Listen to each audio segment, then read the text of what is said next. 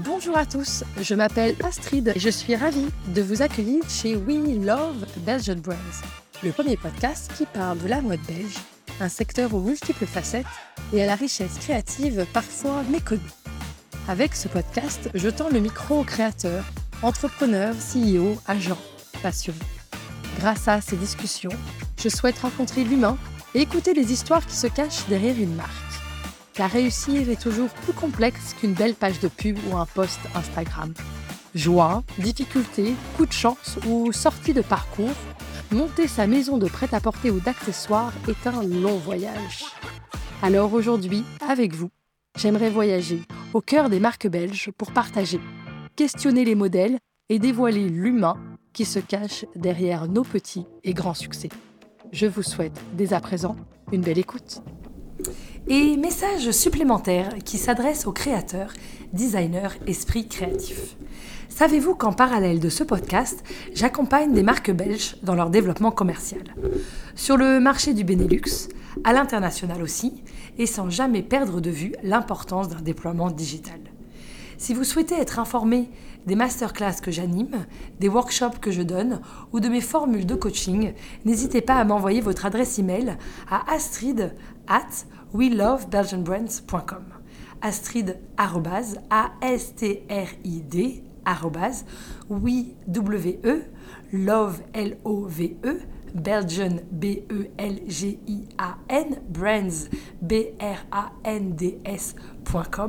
Vous pouvez aussi me contacter via ma page Instagram, oui underscore love underscore Belgian underscore brands. Je me ferai un plaisir de vous tenir informé. Merci, à bientôt et maintenant place à l'épisode. Justine d'Imprévu et cet épisode sont l'illustration parfaite de la magie du podcast. Via via, nos numéros de téléphone sont partagés, du coup on s'appelle, on discute longtemps.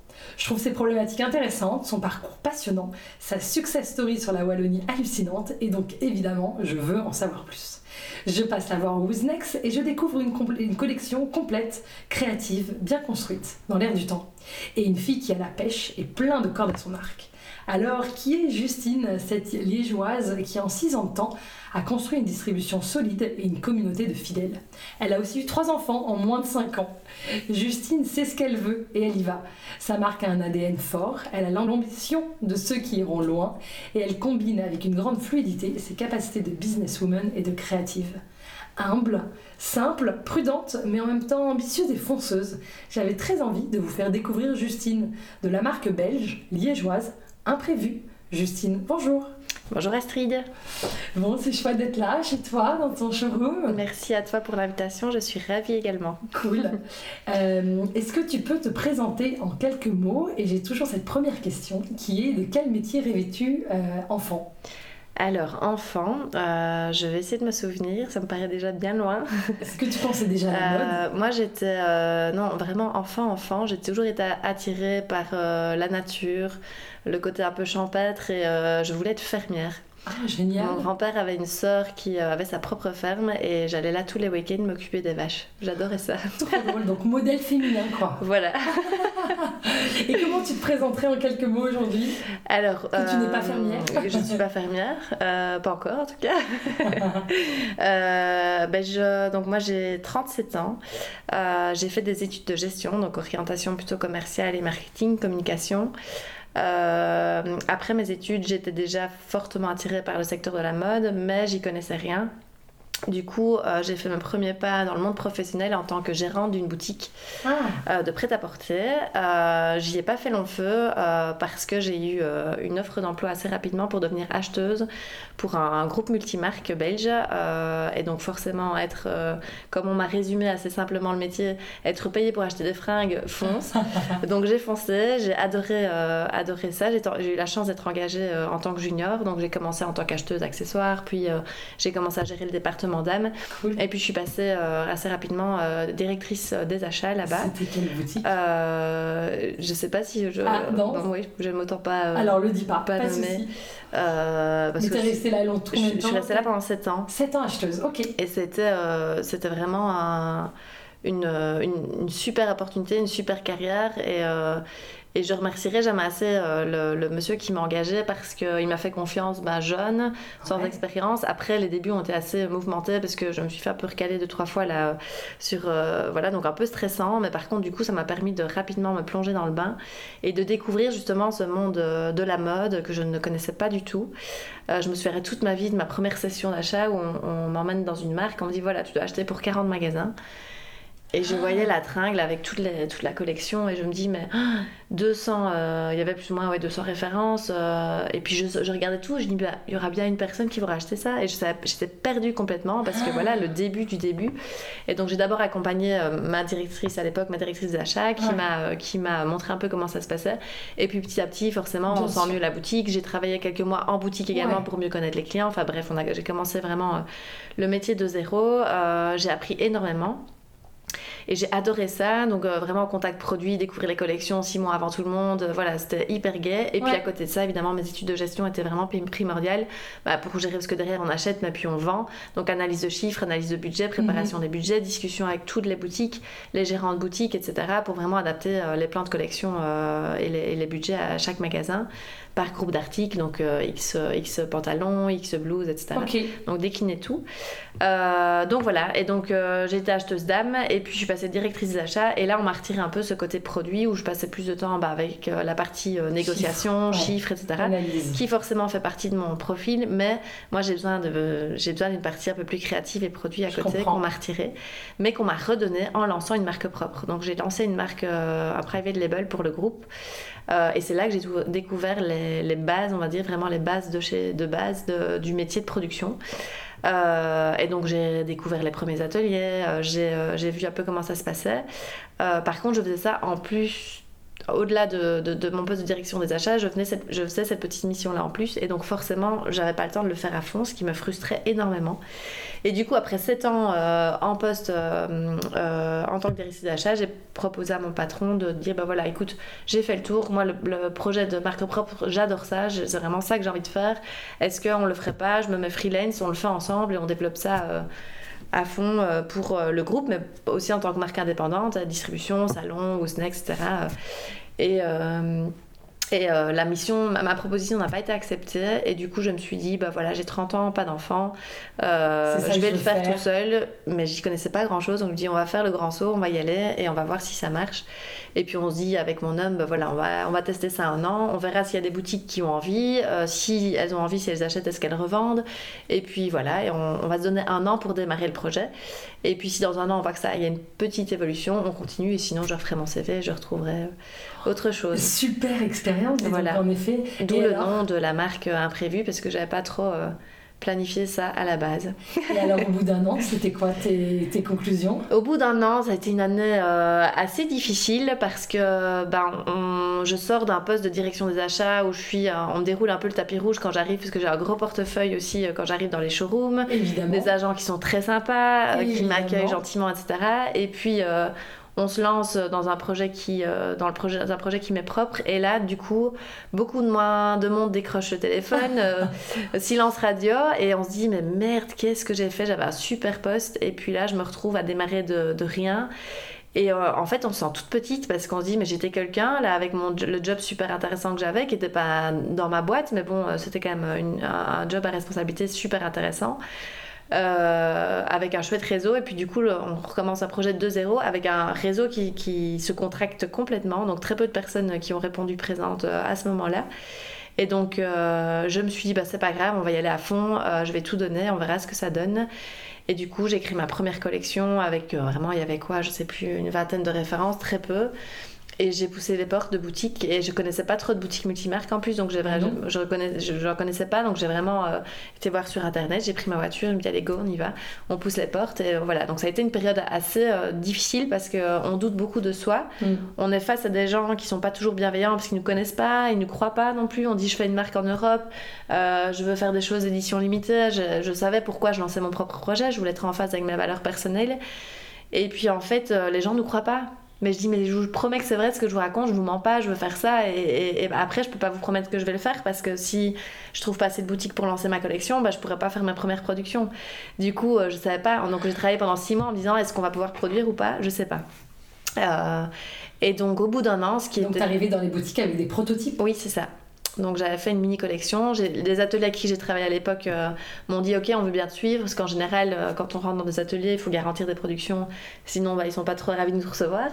Et donc je dis que je peux pas vous promettre. J'ai vraiment été euh, je suis un peu je suis quelqu'un d'assez spontané et transparente et j'ai joué cette carte là à ce moment-là. Mais mais les agents de production qui m'ont suivi à l'époque m'ont dit bah, écoute on voit comment tu travailles t'es quelqu'un de sérieux donc on, on te fait confiance on t'accompagne aussi un an et on verra ce que ça donne dans un an. Waouh. Et, et, donc voilà. Et alors j'ai eu une chance de fou euh, et je remercierai jamais cette personne, une boutique assez connue dans la région d'ailleurs qui euh, ne me connaissait pas du tout, qui m'a accueilli chez elle, qui m'a dit oui je te passe commande. Et je suis certaine que c'est grâce à elle que derrière quand je poussais des portes d'autres boutiques on me dit ah tu vas être chez qui? Ah bah, je, citais cette boutique là et, euh, et les autres m'ont dit ah bah si elle t'a reçu je veux bien voir aussi ce que tu fais et donc je suis sûre que ça a un peu aidé. Après je dis pas que j'ai fait 50 boutiques directement. Je crois qu'on a commencé avec 15 boutiques, il faudrait que je vérifie. Ah, sur ta première saison Sur ma première saison, oui. Bah, c'est super quand même. Et donc voilà, oui, euh, C'était il y a 6 ans C'était il y a 6 ans, et euh, après, le marché était fort différent à ce moment-là. Mm. J'avais complètement sous-estimé. Euh, je pense que si j'ai réussi à trouver ces, boutiques-là, c'est parce qu'elles étaient fans de proposer un produit liégeois et mettre du Made in Europe. Aujourd'hui, ça paraît bateau, on se dit c'est un peu une obligation pour pas mal de marques de faire ça, de faire du local et de, de, de un retour aux sources. Mais à l'époque, c'est vraiment ça dont j'avais envie, c'était un retour aux sources, que ce soit en termes de confection ou de quantité de production. Euh, et elles ont été vraiment tentées par ça, de se dire, bah, il y a une liégeoise qui se lance, on va, on va être solidaire, on va la suivre. Euh, et, voilà, et forcément, c'est ici dans la région que ça, ça a démarré. Super, bah bravo, hein, parce que moi j'en connais pas mal des marques qui se lancent et elles n'ont pas dès la première saison 15, 15 boutiques.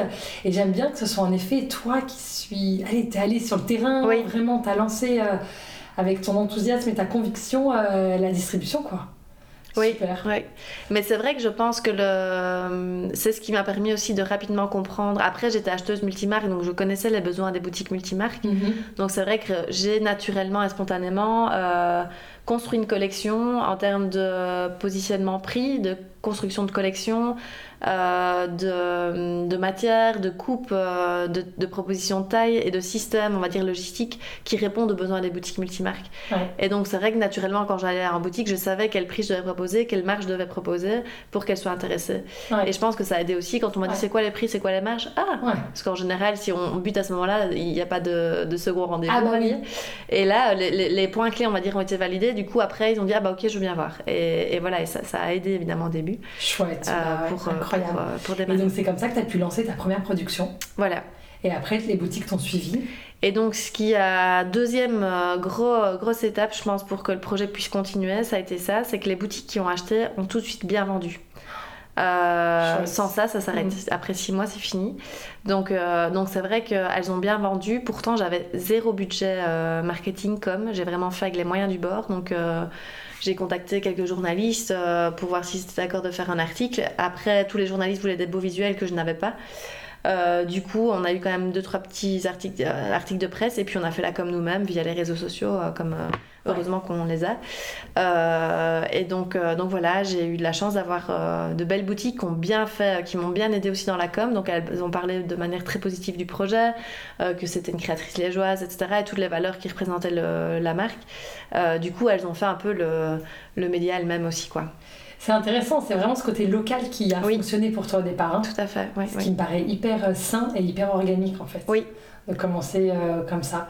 Et c'est quoi alors les autres euh, milestones de, de la marque? Bah donc voilà, cette première année a été assez. on est vraiment dans le terrain, quoi. Et on fait tout, on fait tout, voilà, step by step. On construit la collection. Et puis après, ça a été, bah, le, deuxième round, on va dire, c'est de, de, vérifier que les boutiques avaient bien performé. Euh, si pas, bah, comprendre pourquoi. Et puis alors, après, euh, c'était vraiment l'analyse en fait de se dire, bah, imprévu au départ, j'allais là où on m'acceptait, sans trop réfléchir finalement dans quelle boutique je mm. j'implantais la marque. Euh, puis après, c'est se dire, bah, en fait, j'ai quand même une image de marque qui s'affine petit à petit. Mm. Les valeurs de base ont toujours été là, mais par contre, le positionnement produit a, certainement changé. Pourquoi? Bah Parce que le produit a énormément évolué. Moi, en 5 ans, j'ai appris hein, le métier de, styliste et de créatrice. Du coup, ça a été des tests avec des matières, ça a été des tests de coupe, euh, des, ateliers aussi. Les réseaux d'ateliers n'est plus du tout le même aujourd'hui qu'il y a 5 ans. Euh, du coup, c'est un peu essai-erreur. Malheureusement, c'est des gros stress aussi, puisque des fois, on a une production qui arrive, qu'on livre en boutique, et puis toutes les boutiques appellent pour dire bah, ton pantalon il se déchire, c'est normal. Je dis non, non, c'est pas normal. Et voilà, des gros stress. Mais par contre, heureusement, j'ai eu la chance d'avoir ces boutiques assez fidèle et qui me faisait confiance. Et, euh, et puis quand il y a problème, on trouve toujours des solutions. Donc euh, je, les les ai jamais laissés non plus sur le côté en disant bah tant pis, c'est comme ça. Non, euh, on a toujours assumé et, et voilà. Et ça a été vraiment ça. Donc assurer le, suivi des boutiques, puis assurer le développement créatif aussi avec une amélioration constante et continue des produits, des matières, des finitions. et le, positionnement prix du coup a, a évolué également parce qu'à l'époque je pouvais pas faire mes propres tissus. Aujourd'hui c'est quelque chose qu'on fait. Euh, donc forcément, il y a des coûts euh, de recherche et développement qu'il n'y avait pas à l'époque. Et donc c'est un peu ce, challenge, je crois que je me mets challenge en fait chaque saison, je me mets des nouveaux objectifs qui font que la, marque évolue petit à petit. quoi. J'ai déjà plein de questions euh, qui me brûlent les lèvres. donc tu as ces 15 bons de commande, tu lances ta production, oui. tu as du capital pour lancer ta production, les boutiques à l'époque osent payer en avance, comment ça se passe? Oui, alors ça, donc... Parce ça marchait plus, hein. Non, non, donc ça j'ai eu un capital de départ que j'ai mis en propre, donc c'est mes petites économies que j'ai faites pendant 7 ans. Euh, j'ai toujours su euh, que j'avais un jour l'envie d'avoir une propre entreprise parce que je suis quelqu'un qui. Euh, ça va peut-être être bête à dire, mais j'adore, j'adore, en fait, je travaille par passion et j'ai toujours fait ça. Donc, j'ai eu la chance d'être acheteuse. J'adorais mon métier. Je travaillais comme si c'était ma propre boîte. Et, euh, et par contre, j'avais ce besoin de, de, liberté, de flexibilité. Donc, on me donne un objectif, je ferai tout pour y arriver. Euh, mais j'ai pas besoin d'avoir quelqu'un en permanence derrière moi pour me dire comment je dois le faire. Mhm. À mes dépens, hein, des fois. Euh, je prends les conseils, ça certainement. Et il faut absolument bien s'entourer. C'est un, un, des autres éléments qui sont clés. Euh, mais euh, mais c'est vraiment cette liberté que j'avais envie et donc du coup je savais que donc tu avais anticipé voilà. Euh, ton besoin de liberté mon besoin de liberté de côté pour pouvoir voilà c'est ça. Et donc du coup j'avais j'avais mis un peu de côté en me disant bah voilà. Et on a mis un capital mais je dis j'avais pas d'énormes fonds. Donc un petit capital qui m'a permis bah, de prendre une voiture de société de, de, de, financer ma première collection mes premières productions. Et puis après par contre les boutiques ont toujours payé avant la livraison. Euh, donc ce qui me permettait de, voilà, de réduire un minimum le risque. Euh, et elle comprenait aussi mon, mon, mon, ma situation. Euh, et elle jouait le jeu. Et elle jouait le jeu, oui, ouais, tout à fait. Boutique, Elle dit ok, on paye en amont. Formidable. Et tu dis on, mais tu as commencé seule Avec qui tu t'es lancée? Oui, non, je dis, je dis on parce que c'est vrai que j'étais seule, mais par contre, j'ai mon mari qui est toujours très très présent euh, pas, euh, on va dire pas au quotidien dans, dans l'entreprise même, mais par contre, euh, je dis on parce que toutes les réflexions, toutes les décisions, il est impliqué, on en discute beaucoup tous les deux, et il, est très présent. voilà, au salon, il m'accompagne toujours, donc donc c'est vrai que voilà. On fait nos petites, nos petites réunions tous les soirs là, de, de débriefing de la journée. Et, et, tu parlais justement des valeurs d'imprévu. Ce seraient lesquelles aujourd'hui? Alors, bah, oui, les mêmes. Euh, en tout cas, euh, elles étaient là et elles sont de plus en plus présentes au sein de l'entreprise. Euh, bah, les valeurs de base, c'était vraiment ce retour aux sources. Donc, j'étais un peu frustrée du comportement de certaines marques. J'ai pas. Mais c'était un, comportement que je voyais de plus en plus. C'était vraiment une surproduction. Donc, on, passait en achat du temps à faire des achats et des, des belles sélections. Et puis en fait, on livrait les boutiques deux mois après, on recevait un mail de la marque en disant Ah bah voilà, cet article-là, vous pouvez l'acheter euh, pour 20, euh, vous, avez 20% de remise dessus, vous faites un réassort et il vous coûte moins cher que la mise en place. Donc finalement, il y avait des, surproductions, des relances de production quand il n'y avait plus, euh, des remises en permanence, en saison. Mais je me dis, mais ça n'a pas de sens, parce que du coup, la, personne, la femme, parce que je pensais plus à la femme qui a acheté sa robe en janvier, bah, elle, revient en mars, elle la retrouve avec moins 30%. Mais je dis, quel est le sens? Du coup, on crée des frustrations et alors on dévalorise je trouve complètement le métier créatif et le métier, euh, le travail de tous ces ateliers en amont qui ont fait le boulot, le sourcing, les recherches en développement. Enfin, voilà. Et j'étais un peu frustrée de tout ça et je me dis, est-ce que c'est possible? Je n'avais pas la réponse, mais ça doit être possible de créer une marque qui travaille en édition limitée, donc euh, qui produit peu euh, pour rendre le travail, je veux dire, rendre un peu plus de noblesse au travail des ateliers de recherche, mais également à la dame, à la femme qui achète une pièce de la collection, elle sait que c'est une édition limitée, elle sait qu'il n'y a pas des centaines de milliers de pièces qui sont produites en masse à l'autre bout du monde et que finalement n'importe qui peut acheter cette pièce-là. Et par contre, mon gros challenge, ça a été de vouloir le faire en gardant un prix de vente accessible. Et ça, c'est vraiment quelque chose de très très compliqué pour moi. C'est toujours trouver cette, ce jeu d'équilibriste entre euh, de l'exclusivité, des tissus de qualité, mais également un prix de vente qui doit rester euh, le, plus accessible possible. Est-ce que tu peux donner un peu les, les, prix? Une robe, un manteau Oui, une robe. Après, les prix, justement, par contre, ça, ça a évolué suite à toute cette recherche que j'ai faite en termes de tissu et de qualité. Mais à l'époque, tu as commencé avec des robes qui coûtaient combien? À l'époque, on était en dessous des 100 euros, euh, donc entre 80 et 100 euros. Aujourd'hui, on est plutôt entre 150, 180 pour une robe. Ouais. Ah oui, donc vraiment euh, vraiment accessible. Et en même temps euh, limité, euh, en même temps limité parce que donc tu avais une production en Europe. Production 100% européenne, toujours d'ailleurs on produit en Italie, au Portugal, et ça j'y tiens. On est tenté parce qu'on reçoit des, des, des, des, offres de prix à l'autre bout du monde où on se dit ah ouais quand même mais non, je, ça n'a aucun sens. Et, à la base, c'est parti d'une réflexion très simple, c'est de me dire, j'habite en Belgique, je veux livrer mes boutiques en Belgique, je vais essayer de faire une production la plus proche possible qui rentre dans mon target prix. Et donc, euh, et puis j'avais mon petit réseau d'ateliers à la base aussi italien, mhm. euh, qui aujourd'hui n'est plus du tout le même, mais bon, ça m'a permis de démarrer. Euh, et du coup, naturellement, ça se fait comme ça. Et, du coup, tu as réussi à avoir des minimums, des minimums qui les acceptaient, parce que souvent c'est ça la problématique voilà. de l'atelier. Ben, ça reste, et même à l'heure actuelle, ça reste toujours mon gros challenge. C'est pour ça que je veux grandir un peu à l'international, donc plus en Belgique, en tout cas en Wallonie, puisqu'en Flandre, il y a, encore une belle distribution sur laquelle on peut avancer. Mais en Belgique, en Wallonie, je prends plus de, nouvelles boutiques parce que je veux que ça reste exclusif et je trouve que là, on a un chouette réseau de boutiques partenaires. Mais par contre, pour continuer à m'éclater en termes de création et de faire mes propres tissus, euh, mes tissages, que ce soit les blazers, les pantalons, etc., j'adore vraiment choisir jusqu'au fil.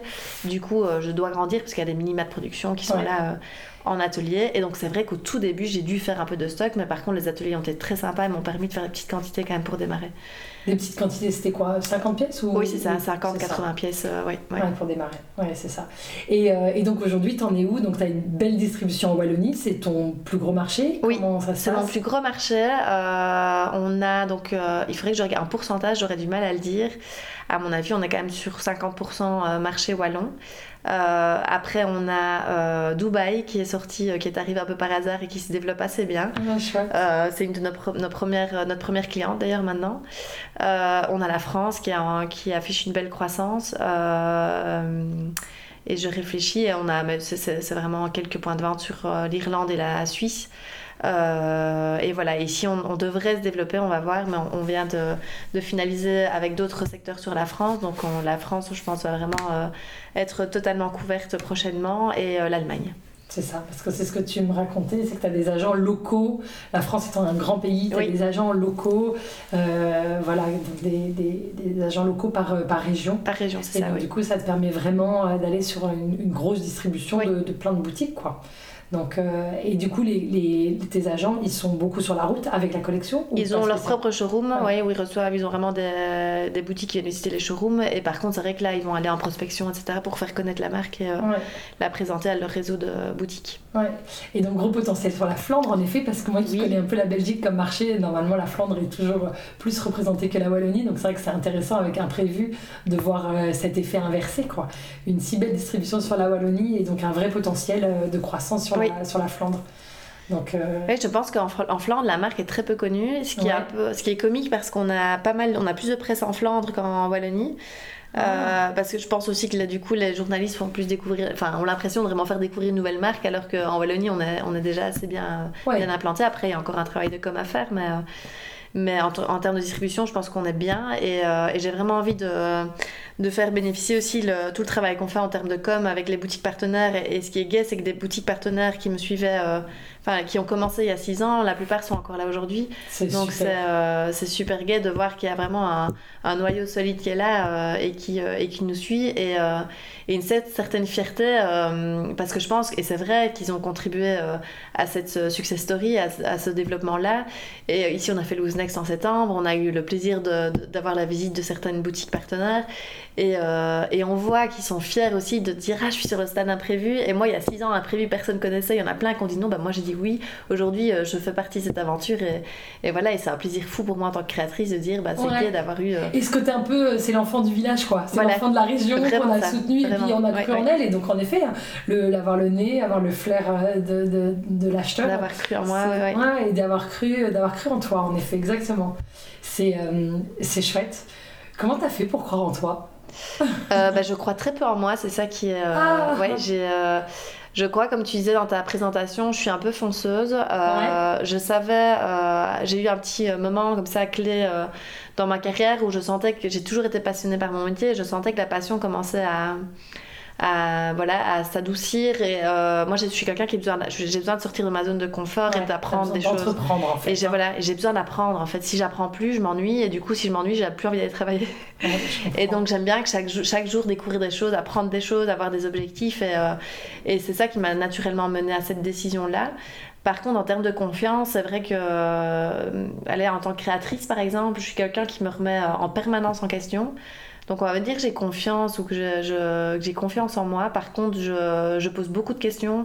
Euh, mes boutiques partenaires, je, les interroge très régulièrement. Je- J'essaye vraiment d'aller. Après, malheureusement, des fois, on a un timing un peu trop serré, mais c'est vraiment le- d'aller les visiter euh, au moins une fois par saison pour euh, bah, comprendre ce qui se passe, analyser les, retours sur les ventes, les problèmes sur certaines coupes, pour améliorer le produit en continu. Et, c'est grâce à elles aussi et à leur feedback que, que la, la marque évolue. D'où aussi le, le fait que je, je- fais toujours moi les ventes en fait. Euh, Donc c'est toujours moi qui, qui les reçois en, en showroom.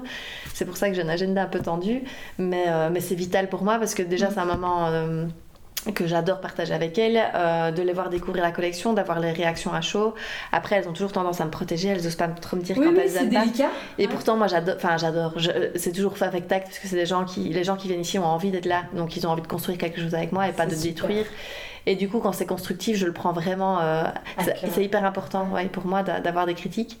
Et donc, la critique positive, pour moi, c'est ça qui fait que, que le projet peut, peut avancer, évoluer. ouais. Ouais, c'est vraiment intéressant. C'est l'envie d'apprendre, la passion et, l'humilité euh, qui te permet, euh, qui te permettent d'avancer. Oui, c'est oui. vraiment euh, trois, trois, euh, ouais, trois valeurs quelque part qui sont. Et puis le travail. hein, je pense que tu as une bonne valeur du travail Oui, parce que je, je vois bien que tu es une grosse bosseuse. Euh, et ça, ça- ouais, c'est vraiment, à mon avis, euh, quelques clés de ton, euh, de ton succès quand même. oui, oui. Et c'est quoi tes challenges aujourd'hui, justement? Alors, mes challenges aujourd'hui, il y en a plein. Ici, on a fait. Enfin, je dis on à chaque fois, j'aime pas dire je. Euh, parce qu'il y a les ateliers derrière, les agents de prod, enfin tout le monde bosse à, à ce travail-là. Il y a un Et gros t'as une équipe aussi entre temps, non oui, oui, on a euh, donc on a commencé il y a un an et demi seulement, donc je suis quand même restée seule assez longtemps. Toujours dans cet esprit de, de sécurité, de, de- Ouais, de ouais. rendre l'entreprise assez solide pour pouvoir justement amorcer un jour un, un tournant et une croissance. Euh, en restant indépendante financièrement, ça c'est important pour moi aussi. Euh, et du coup, on a engagé euh, bah, quelqu'un pour gérer les réseaux sociaux, parce que comme tu dis, en 5 ans, j'ai pas, en 6 ans, j'ai pas eu qu'un prévu, j'ai trois enfants. Et faire les posts entre le bain et le bibi du soir, c'était plus possible. Je comprends tellement. Du coup, euh, du coup voilà, j'ai pris quelqu'un pour m'aider pour tout ce qui est com, réseaux sociaux, etc. Euh, puis entre-temps, le Covid est arrivé aussi, donc on a... Ouais. On n'avait pas de site euh, online, on a lancé euh, une boutique online. Pourquoi? Parce que euh, bah, finalement, on était complètement dépendant des boutiques multimarques Ouais. pour la, la suite des aventures. On a eu très peur quand, on a, quand le Covid est arrivé, on venait de recevoir toute notre production plein été. Et, euh, et toutes les boutiques ont fermé, donc je me dis si demain mes boutiques me disent merci, mais on prend pas la commande, c'est on est fini d'imprévu parce que j'ai aucun site internet, je peux pas communiquer dessus et je donc voilà. Et donc heureusement qu'on a des boutiques encore une fois très sympas qui ont accepté les, les livraisons. Et euh, mais par contre, du coup, elles ont toutes commencé à vendre online. On était les seuls à pas le faire. Euh, via les lives, via, euh, via les réseaux sûr. sociaux, etc. Donc, et c'est un peu le seul moyen qu'elles avaient à ce moment-là. Et du coup, il y avait une perte complète aussi de notre image de marque et de, du discours qu'on a, qu'a prévu avoir envie, envie d'avoir. On, on l'avait plus. Euh, et du coup, aussi bien pour la, on va dire, la maîtrise de notre image de marque et des valeurs qu'on veut faire passer, et puis, et puis pour avoir une certaine sécurité aussi au cas où, on s'était dit, voilà, il est temps de lancer la marque, et donc c'est là aussi que le poste a été important d'avoir une deuxième personne à mes côtés bah, pour mettre le site à jour, etc. Et aujourd'hui, le online, c'est important pour toi en termes de Non, ça reste, allez, on a moins de 10% du, du, chiffre d'affaires, donc ça reste vraiment minime. Après, comme je, la valeur d'édition limitée reste, reste de mise, donc on gère notre boutique online comme une boutique physique en fait. Mm. On fait des, des lignes assez, euh, assez raisonnables. Le but c'est vraiment de proposer le produit à celles qui ne savent pas se déplacer en boutique. Mm. Et d'ailleurs on voit que les personnes à qui on vend, c'est des personnes souvent qui n'ont pas euh, le produit euh, en boutique physique ou qui n'ont pas de boutique physique euh, tout près, en multimarque, etc. Euh, parce que c'est vrai qu'on avait aussi pas mal de, de frustration sur les réseaux sociaux de personnes qui disaient bah, Moi j'adore un prévu, mais c'est pas online, je sais pas l'acheter, j'ai pas le temps d'aller en boutique. Et. Donc c'est chouette, c'est vraiment cette communauté, communauté-là qu'on va aller chercher. C'est des, des adeptes bah, de l'achat online et qui vont pas en boutique physique. Mais on voit vraiment que les boutiques physiques multimarques en, en, Wallonie continuent à super bien performer et ont leur clientèle à elles fidèle, quoi, qui. Donc je pense que les deux peuvent vraiment évoluer euh, en parallèle. suis persuadée que les deux coexistent et qu'en effet c'est des modes de consommation différents et qu'il y a aussi des périodes de vie où tu peux avoir le plaisir d'aller en boutique et des périodes de vie où tu préfères acheter en, en ligne oui. et que les deux sont complémentaires et ça peut être la même personne avec deux comportements d'achat différents ou alors en effet deux, personnes différentes. Donc c'est vrai qu'à l'heure d'aujourd'hui ça me paraît... Euh, incontournable d'être omnicanal et d'avoir euh, et avoir ta propre boutique. Ah ça, j'en rêve, euh, j'aimerais... Bah, où, où est-ce que tu l'as bah, J'avoue, non, je dis j'en rêve, mais euh, c'est peut-être, on va dire, dans le long long terme, parce que là, c'est pas du tout les objectifs. Euh, mais juste pour avoir justement cette expérience et puis ce elle a imprévu, ça reste une entreprise familiale et, euh, et de créer un peu ce cocon euh, physiquement en fait, euh, à l'image que j'aurais envie de le faire. C'est ce côté-là que je recherche plutôt. Pour aller aussi, on parlait d'image de marque et d'univers de, marque plutôt. pour aller jusqu'au bout de mon univers en fait, ce serait plutôt ça. Mais du coup, je t'avoue, j'ai jamais réfléchi à l'endroit, à comment, etc. C'est plus, on va dire, sur le long terme, un jour si je m'ennuie. Comment tu décrirais ton univers de marque à des gens qui nous écoutent? Euh, Mon univers de marque, je dirais qu'imprévu, que c'est euh, bah, une marque créative. Euh, je crois que c'est ce qu'on a mis d'ailleurs, je sais plus, sur les réseaux sociaux. c'est une marque créative pour les esprits créatifs, dans le sens où j'ai toujours, quand, si on s'amuse pas dans les fringues, je sais pas où on peut le faire. Et donc moi, j'essaye de faire ça en ah. termes de créativité et de création c'est de m'amuser dans mes collections, c'est de jouer avec les matières, jouer avec les imprimés, jouer, euh, voilà, de mélanger des pièces. Ou euh, d'ailleurs, des fois, on me dit Ah ouais, tu oses faire ça, toi? Et puis quand on le voit porter, on se dit Ah bah ouais, en fait, c'est sympa. Donc, c'est chercher cette petite touche d'originalité. Euh, et donc, du coup, je m'adresse plutôt à des femmes qui vont partager ces, ces valeurs-là d'originalité, de créativité. et puis, c'est aussi des femmes qui partagent ces valeurs de bah d'éthique et d'une mm. consommation plus responsable, plus réfléchie, de donner un sens à ce qu'on porte aussi. Euh, voilà, je pense que c'est ça euh, les valeurs de, les valeurs de la marque. Chouette, bah c'est passionnant déjà tout ce que tu nous racontes. Euh, je vois que le temps passe et qu'on est déjà à une belle demi-heure. ici, on parle aussi de mode belge. Ce serait quoi pour toi la mode belge? Ah, la mode belge, je pense qu'il y en a plein des modes belges. Euh, pour ma part, je, trouve que c'est ce côté un peu décalé et euh, euh, c'est cet équilibre entre, ben, j'en parlais avec un agent tout à l'heure, entre ben, la, petite, la touche de rock and roll et d'originalité tout en ayant cette élégance française qu'on va rechercher plutôt dans les marques françaises. je parle évidemment pour, la, pour, ma partie, ouais, pour, pour imprévu. Euh, donc c'est ça, c'est cette touche d'originalité, d'exclusivité, euh, ce petit... Euh, ce petit clin d'œil qu'on va faire sur une silhouette en, ayant toujours cette recherche d'élégance je trouve qu'on a en Belgique. Chouette, chouette, c'est une bonne, une bonne définition. Est-ce que toi, tu as le sentiment qu'imprévu, c'est une marque belge et ça veut dire quoi exactement pour toi? C'est quelque chose que tu défends? Ah oui, moi je suis, bah, je suis fière d'être belge parce qu'on hein. que euh, on est un petit pays euh, par, par, sa taille, mais euh, tellement grand en termes de talent, que ce soit dans la mode ou autre. et, et que je trouve qu'on a toujours ce. J'ai l'impression que pour se faire connaître, en tout cas je parle là à l'international, on doit en faire plus que les autres parce qu'on a, voilà, on a cette réputation du petit belge qui est sympa, mais qui va, voilà, c'est le petit belge quoi. Hein. Et, et, du coup, on, on, a ce côté un peu où on va peut-être montrer, euh, se donner plus en fait dans nos projets, dans ce qu'on peut faire, dans on parlait d'identité et d'originalité, bah voilà, montrer euh, notre ADN, en fait, il est, il est, on doit plus le communiquer, du coup, il est assez fort. Et du coup, quand on arrive sur un autre marché, bah, il y a ce côté, euh, ah bah oui, marque belge, en fait, ouais, c'est. Euh, c'est évident que c'est une marque belge parce que c'est un peu différent de, de ce qu'on voit ailleurs. Et... Je pense que c'est aussi un, label de qualité. Oui, ah oui, tout à fait. C'est clairement à l'international, je pense que c'est très facilement vu, vu comme tel.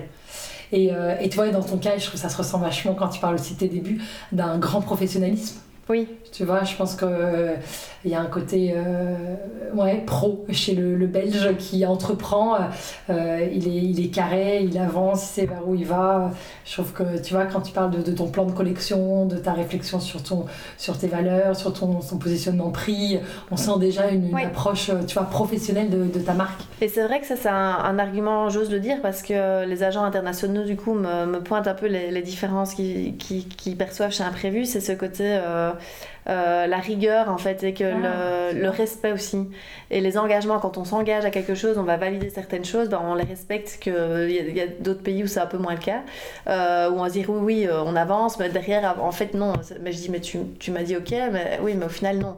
Et moi c'est vrai qu'il y a un côté on s'engage à quelque chose on a des valeurs on s'y tient et et ça pour moi c'est quelqu'un de, quelque chose de très important. Et ça quelqu'un euh, euh, je pense que c'est un français qui m'a je sais plus qui exactement mais qui m'avait dit ça. Il dit ah mais oui vous les belges en fait euh, c'est facile avec vous parce que c'est carré une fois que c'est validé c'est validé on avance. Mais ailleurs c'est pas toujours le cas. Et du coup comme c'est lui qui s'est permis de me dire voilà c'est les belges c'est comme ça c'est comme tu dis la rigueur la discipline. Et quand on s'engage à quelque chose on s'y tient. Et, et, je pense que c'est propre à la Belgique. oui il y a quelqu'un de parole voilà. Et c'est vrai que après des fois ça c'est frustration parce que malheureusement les gens rencontre ne sont pas toujours euh, dans le même état d'esprit que nous. Mais euh, c'est comme ça qu'on apprend, tout ça. Enfin, aussi. Ouais, et puis si c'est important euh, pour toi, je pense que c'est une valeur qu'il faut absolument maintenir. Ah oui, oui, tout à fait. Oui. C'est clair. Qu'est-ce que tu conseillerais à quelqu'un qui souhaite lancer sa marque? Est-ce que tu le conseillerais? Oui, en tout cas, si c'est quelqu'un de passionné, je le conseille parce que je pense qu'il faut toujours suivre son instinct et sa passion. sinon, je trouve que la vie est trop courte, donc il faut essayer d'en de, faire ce qu'on aime dans la vie. Et puis on passe beaucoup de temps à son travail, donc autant le faire euh, que faire quelque chose qu'on aime. Euh, qu'est-ce que je vous conseillerais? C'est de ne pas vouloir aller trop vite. Euh, de bien s'entourer, vraiment de bien réfléchir à son projet avant de se lancer et de communiquer dessus parce qu'une fois que c'est lancé, c'est très difficile de faire marche arrière. Si on fait par exemple des erreurs de prix, de marge, après, c'est la catastrophe. Très intéressant. Euh, donc vraiment, euh, le côté, en fait, dans la mode, et je pense que ce qui, a, ce qui m'a vraiment aidé aussi, c'est ma, ma, formation de gestion et plutôt profil. mon mari aussi, qui a vraiment une casquette financière, qui va vraiment avoir toujours cette réflexion très financière derrière et très objective, que moi j'aime plus dans l'émotion. Euh, du coup, de contrebalancer le côté passionnel justement et émotionnel avec un côté financier, c'est, mm. pour moi, c'est la clé. De bien s'entourer et de prendre le temps avant de sauter, euh, de pas sous-estimer le côté, euh, on parlait de capital de départ, etc. De, pas, de faire un business plan qui tient, et plan financier qui tient bien la route. Euh, de pas être trop optimiste dedans parce qu'on a tendance à croire en ce qu'on fait, du coup on se dit on va faire ça, on va faire ça, puis derrière il se passe pas ça, donc on peut faire euh, facilement moins 20% par rapport à ce qu'on, aux chiffres qu'on estime pouvoir faire, donc euh, toujours être assez pessimiste dans ses plans financiers. Si on a une belle surprise, tant mieux. et de pas de pas s'arrêter au moindre au moindre refus ou à la moindre barrière parce qu'il y en a énormément. par contre, d'en tirer vraiment à chaque fois une, une leçon positive. Donc euh, il faut se dire que dans la vie, tout ce qui arrive a une raison d'arriver. Moi, je pars toujours de ce principe-là. Des fois, euh, j'avoue, quand j'ai une mauvaise nouvelle, je, pense à ça immédiatement, évidemment, mais euh, c'est prendre du recul par rapport à ce qui nous arrive et de dire, bon, qu'est-ce que je peux retirer de positif de ça euh, Parce qu'il y a toujours du positif. Et se dire, si c'est pas, je parle d'agent ici, ou si c'est pas avec cette personne-là, ce sera avec une autre. Si c'est pas dans cette boutique-là, ce sera dans une autre. Mais si on croit en ce qu'on fait, si on le fait de manière posée, réfléchie, je pense que, et que, comme tu disais, la notion de travail, capital travail, il faut pas sous-estimer ça. Donc, c'est s'investir jour et nuit. Une fois qu'on se lance dans un projet, on ne le quitte plus. Euh, même en vacances, on n'a pas trop de vacances, mais euh, quand on aime, c'est pas grave, on ne compte pas. Waouh Tu as vraiment donné des, des, des leçons, euh, des leçons hyper, hyper précieuses. Oui, ouais, vraiment, merci beaucoup. Et quelle sagesse, j'adore. non, non, je trouve que c'est vraiment, c'est vraiment important ce que tu dis, cette idée de vision au départ. Je pense qu'elle est clé, cette idée des prix, des bons positionnements prix. Je vois beaucoup de marques qui peuvent se, se tromper là-dessus. T'as raison. Et, et je, je, je dévie un peu, mais en fait, j'ai quand même trop envie de te poser cette question.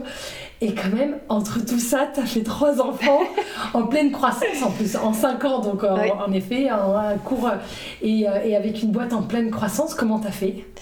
Euh, je ne sais pas. non, comment j'ai fait Justement, cette idée de liberté, c'était intéressant ce que tu disais aussi en début, cette possibilité de travailler. Euh, je pense que tu es, vraiment une intuitive en fait. Tu t'écoutes. Euh. Oui, bah, oui, oui. L'intuition est clé, ça c'est clair. Et pourtant, c'est marrant parce qu'encore aujourd'hui, j'ai l'impression que des fois je l'écoute pas assez. Je me dis, ah, si je m'étais écoutée, voilà. Donc, bien écouter ses intuitions. Et comment j'ai fait? Bah, J'étais beaucoup soutenue aussi de ma famille. mes parents, mes soeurs, au départ, on faisait les colis nous-mêmes. Donc, quand la production arrivait, on réquisitionnait tout le monde pour préparer les commandes pour les oh. boutiques. Euh, mon homme enfin m'aide d'ailleurs toujours euh, maintenant énormément.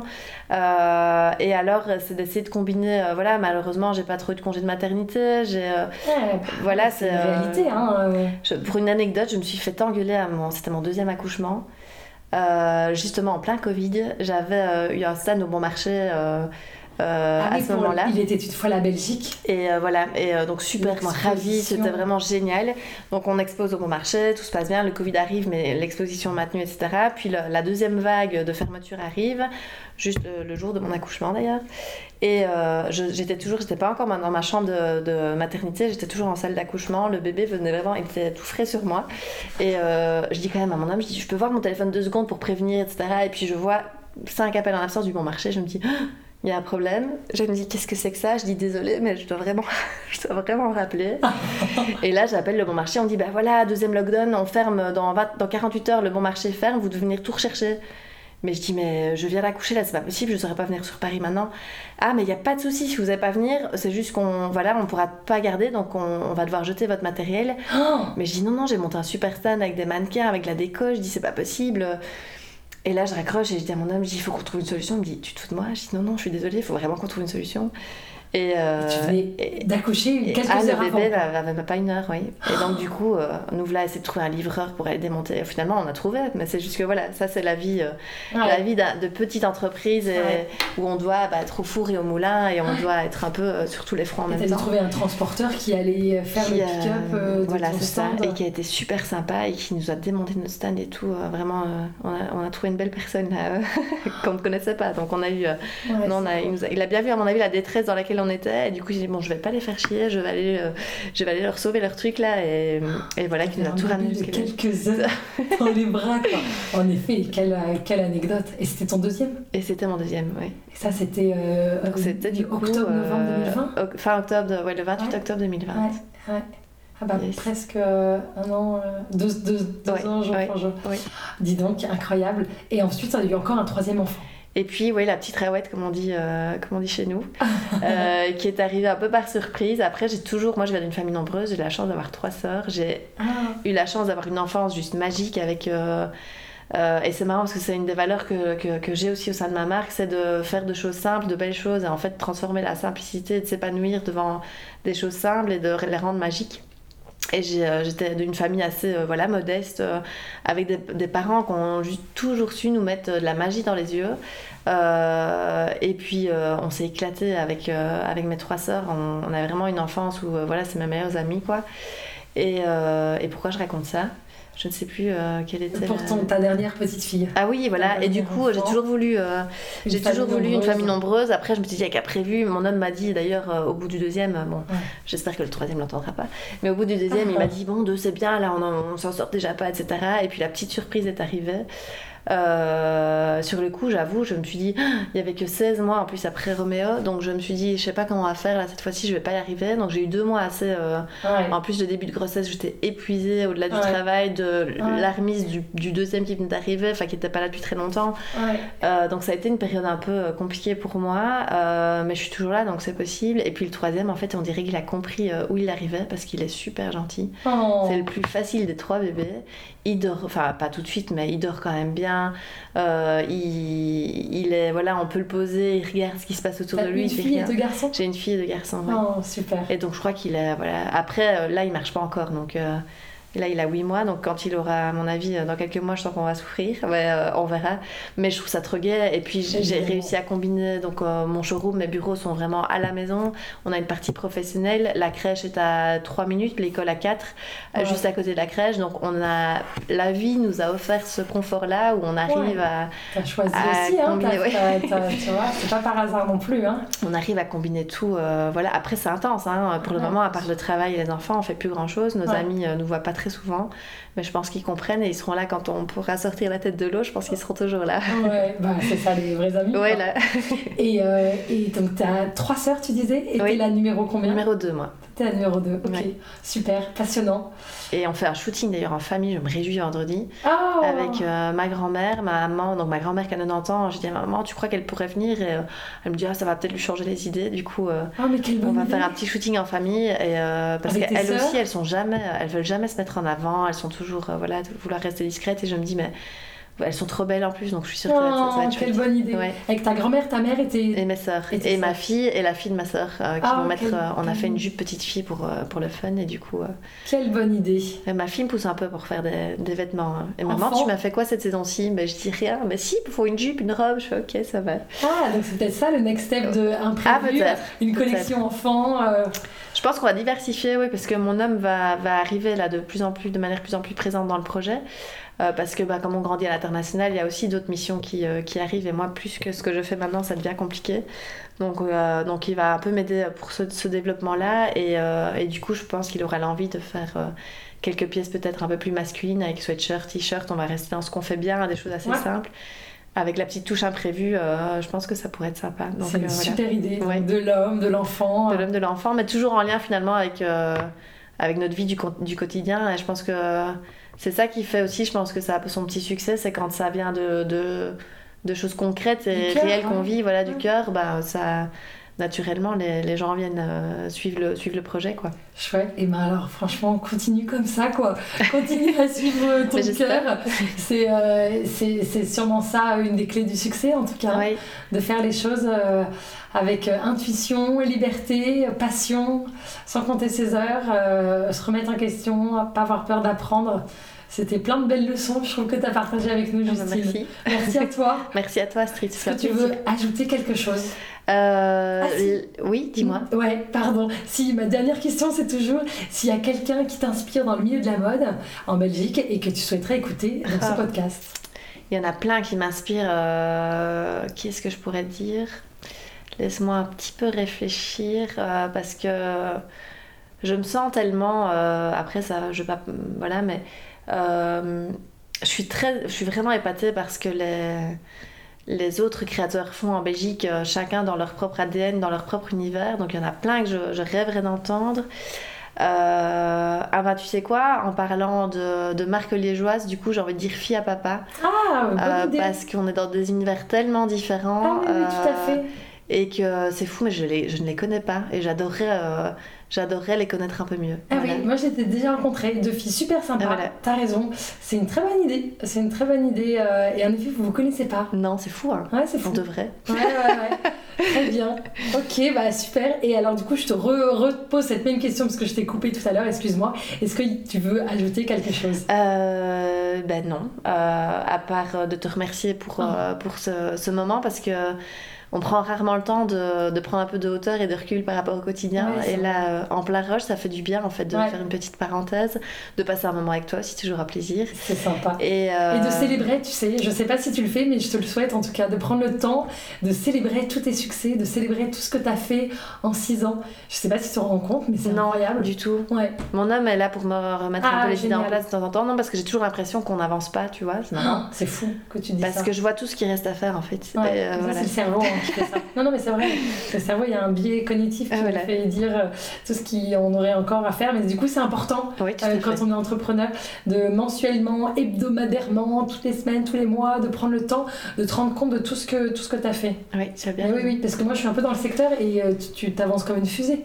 Oui. Chaque saison, tu ouvres un nouveau marché, tu vois, tu t'oses, t'avances, tu lances des, des, des, des- plus de collections, plus de samples, plus de, tu vois, plus d'ouverture Oui. de, de, de, de marché, donc, donc de la croissance, c'est- formidable. Je pense que tout le monde, tout le monde, tout le monde n'a pas ce rythme-là. Oui, c'est vrai que je me rends pas on, compte. On, est dans des années pas si faciles non, plus, en plus. Hein, c'est ça qui est hyper frustrant, en fait, c'est qu'on se dit, on aurait fait ça il y a quelques années, en fait, euh, on serait déjà vachement plus loin. C'est ça, en fait, je crois que j'ai cette sensation de, de, peu d'évolution, parce qu'en fait, tout est un challenge, tout est un énorme combat, ouais, et rien n'est simple pour le moment. Non, je suis que ce soit en termes de création, que ce soit euh, et pourtant, voilà, les objectifs sont là.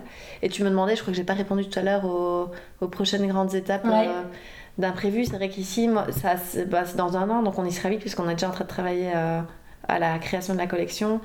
Euh, de renforcer le côté écologique des, fibres. Et j'entame vraiment un gros processus de, bah, de, de, rendre la marque encore plus éthique. Donc c'est vrai qu'on le fait, on n'est pas parfait, hein, on n'est pas à 100% pour le moment, mais rien qu'en ayant une production 100% européenne, des éditions limitées, on évite une énorme pollution que, que, que certains ne font pas.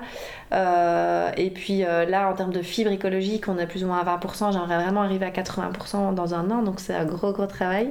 Chouette, un beau euh, challenge. Et puis après, et puis après c'est vraiment d'avoir un projet de A à Z écologique, que ce soit après, on l'a déjà hein, en, termes de, distribution, mais voilà, que toutes les étapes du projet euh, puissent être un peu euh, puissent être orientées vers ça.